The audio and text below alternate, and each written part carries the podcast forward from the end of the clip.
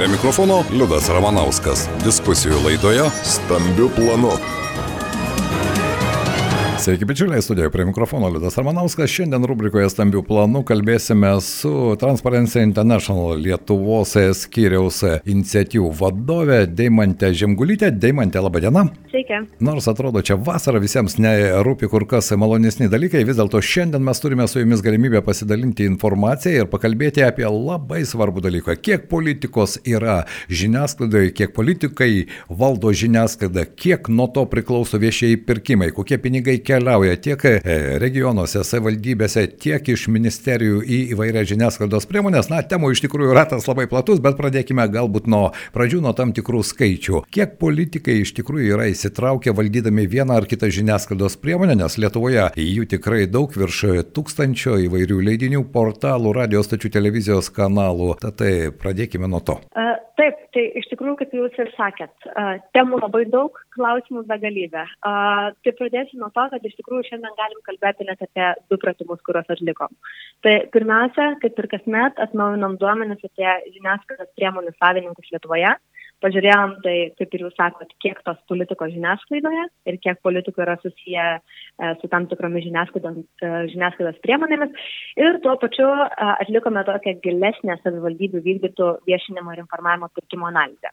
Tai viską tikrai galite rasti stirna.info Na, o kalbant apie skaičius, tai taip, galime pasakyti, jog pernai metais, tai 2021 metais, 68 politikai, valstybės tarnautojai bei jų sutoktiniai valdė žiniasklaidos priemonės. Tai iš esmės, kas aštunta žiniasklaidos priemonė Lietuvoje priklausė arba turėjo tam tikrą sąsąją su politikais. Na taip, tai čia 68, kurias, e, galima sakyti, tie ryšiai yra matomi. O kiek yra, kai per uošves giminaičius ir taip toliau, šito ko gero įsiaiškinti būtų kur kas sudėtingiau.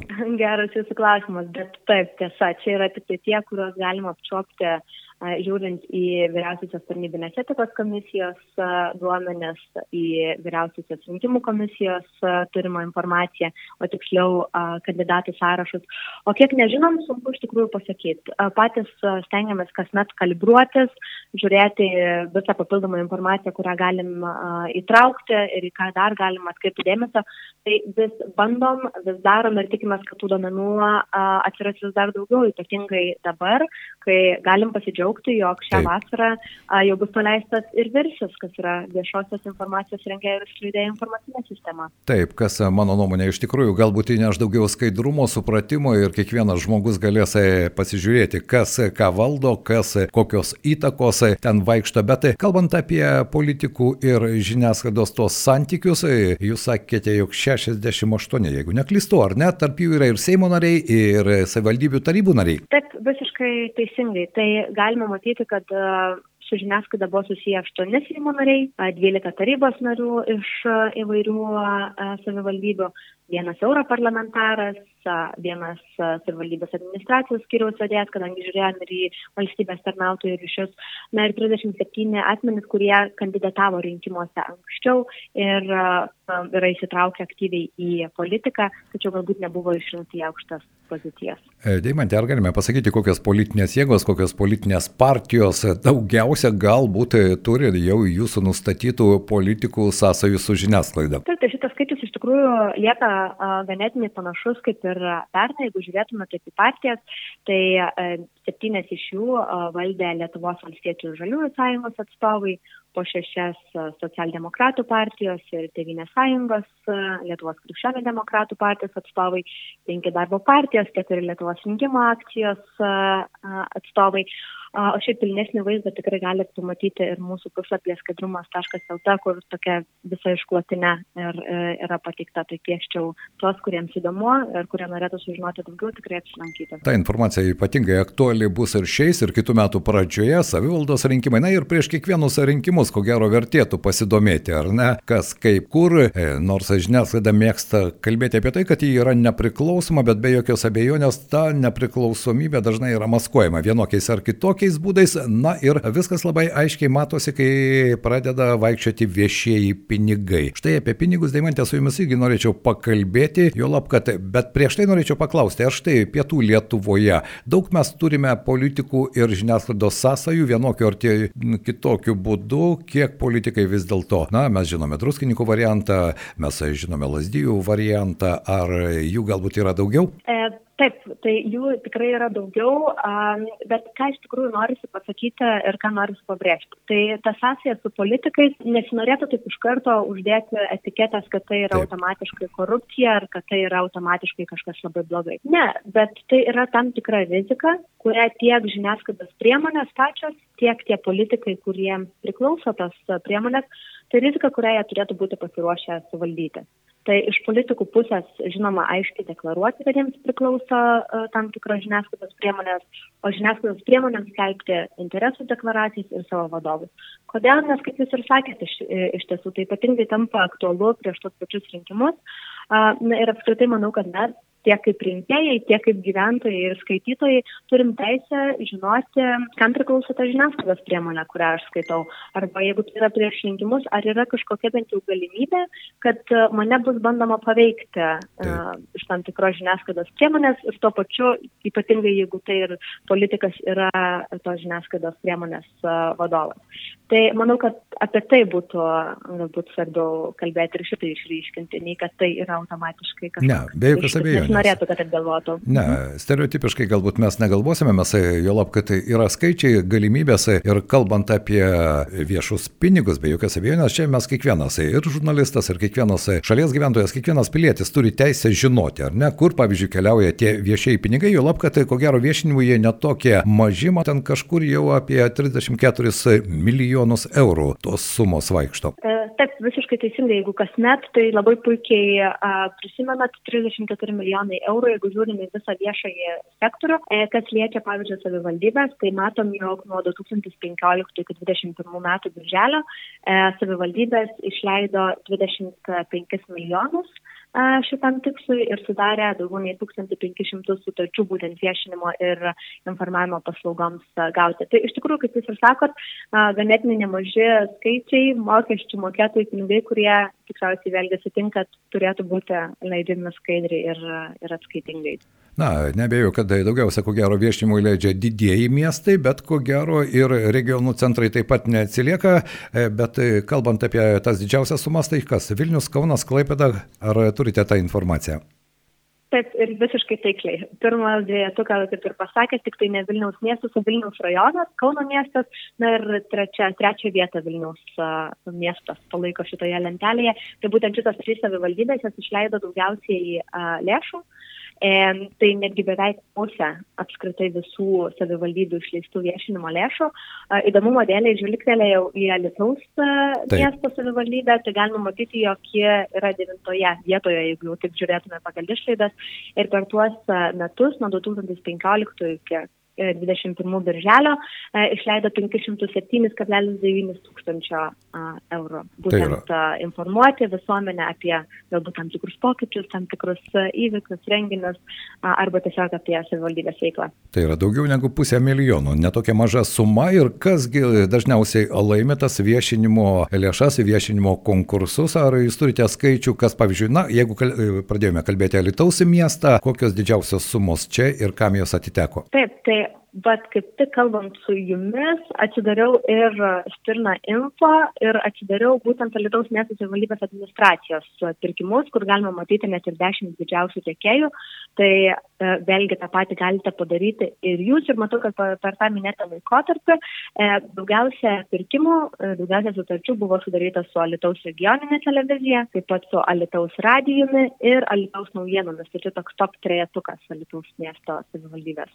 Taip, savivaldybės daugiausia sudaro sutarties būtent su regioninė žiniasklaida, ar vis dėlto yra savivaldybių, kurios galbūt viešinimui naudoja ir nacionalinius portalus, nacionalinę spaudą, nacionalinius televizijos, radio kanalus, ar tai mažiau aktualu jau yra? Tai iš tikrųjų bandėm pažiūrėti, kokias gi tas skirtumas, nes dažnai um, girdėjome ir mes patys uh, tą tokį, netgi galima sakyti, nei mitą, nei galbūt tokią teoriją labiau sakyčiau, kad uh, savivaldybės uh, tikriausiai visas tas savo lėšas ir skiria būtent regioniniai žiniasklaidai, apleidžiant nacionalinę žiniasklaidą.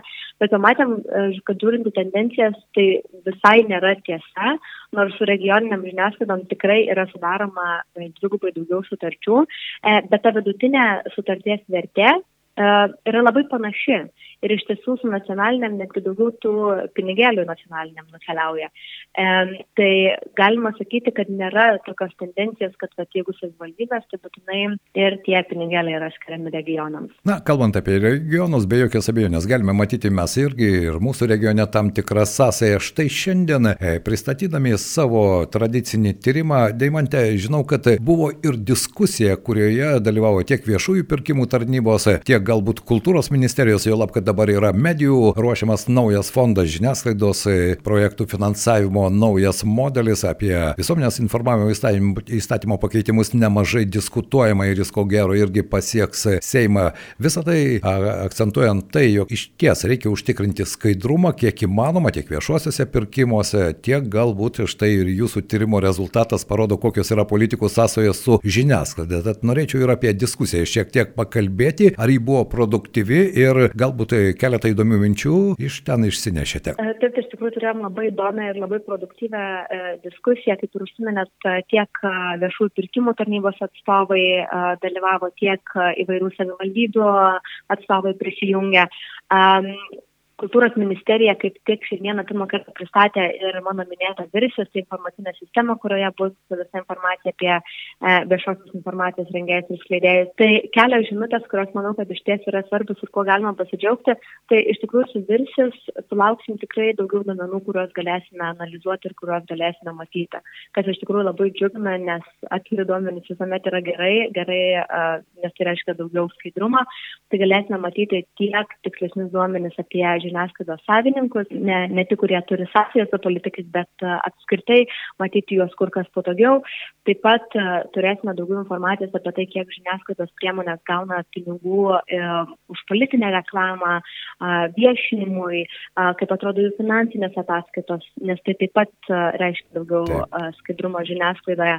Ir to pačiu kalbėjome apie tai, ką pačios savivaldybės gali daryti geriau ir kaip gali jos nešti daugiau to skaidrumo į pokalbį apie viešinimo lėšų išlaidas, tai būtent skelbti daugiau informacijos ir skelbti išsamesnės ataskaitas, nes ką matom, kad dabar dažnai tie skaičiai nesutampa, um, kuriuos turi, pavyzdžiui, savivaldybės ir kurie, kuriuos matome viešai um, viešųjų pirkimų tarnybo ataskaitose. Tai kalbėjome apie tai, kaip jos skelbdamos daugiau informacijos galėtų padėti mums geriau suprasti, tai kokios yra tos tikrosios sumos, kokie yra tie tikrieji pinigai, kurie yra išleidžiami.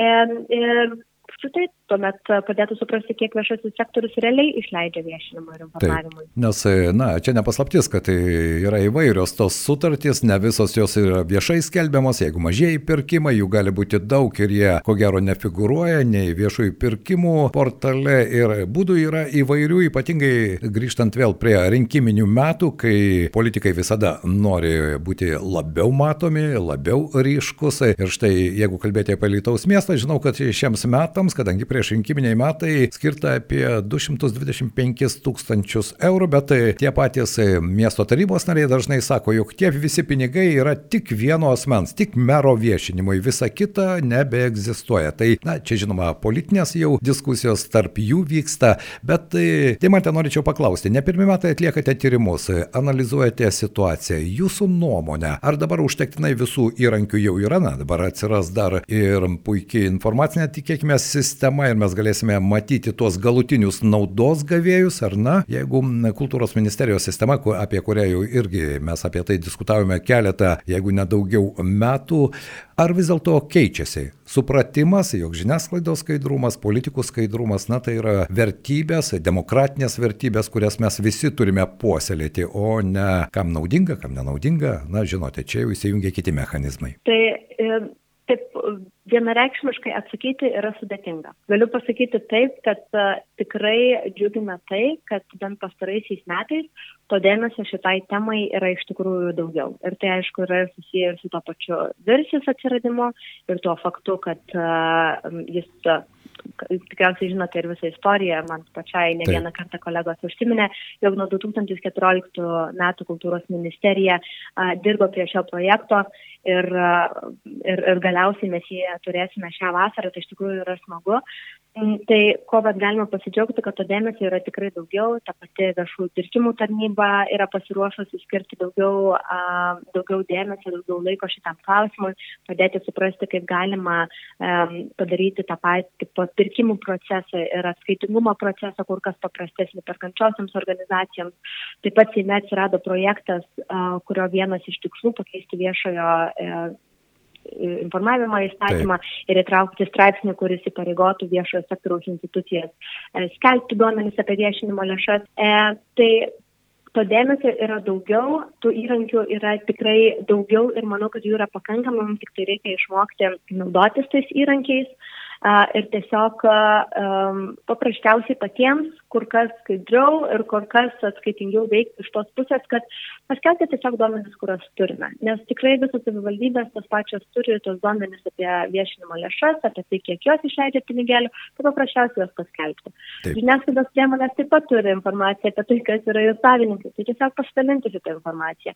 Tai jeigu padarytume tai, tai be abejo to skaidrumo būtų dar daugiau ir būtų dar daugiau padžiaugtas. Be jokios abejonės, čia turėtų būti dviejų krypčių eismas, ar ne? Ir žiniasklaida turėtų būti suinteresuota dirbti skaidriau. Na ir e, viešasis sektorius, leisdamas viešuosius pinigus, taip pat turėtų naudotis tais įrankiais, apie kuriuos jūs šiandien pasakojate. Tikėkime, kad taip ir bus. Galbūt neįdėliame pasaulyje, bet žingsnis po žingsnio vis dėlto situacija keičiasi. Visiškai teisingai. Tai mūsų pašnekovė buvo Transparency International iniciatyvų vadovė Deimantė Žemgulytė. Įdomus tyrimai, ar ne? Jie tikrai reikalingi ir nebejoju, kad yra e, žmonių, kuriems tai yra įdomu, kur iškeliauja viešieji viešieji pinigai, kokie yra politikų ir žiniasklaidos santykiai. Ir aš tikiuosi, kad ir šis mūsų pokalbis taip pat kažką sudomins. Ačiū Jums šiandien, Daimantė. Ačiū Jums labai. Dėkui, geros dienos ir be jokios abejonės, bičiuliai, kalbant apie viešuosius pinigus, kiekvienas iš mūsų turime teisę, o žurnalistai ir pareigą informuoti apie tai, kur ir kaip jie yra leidžiami.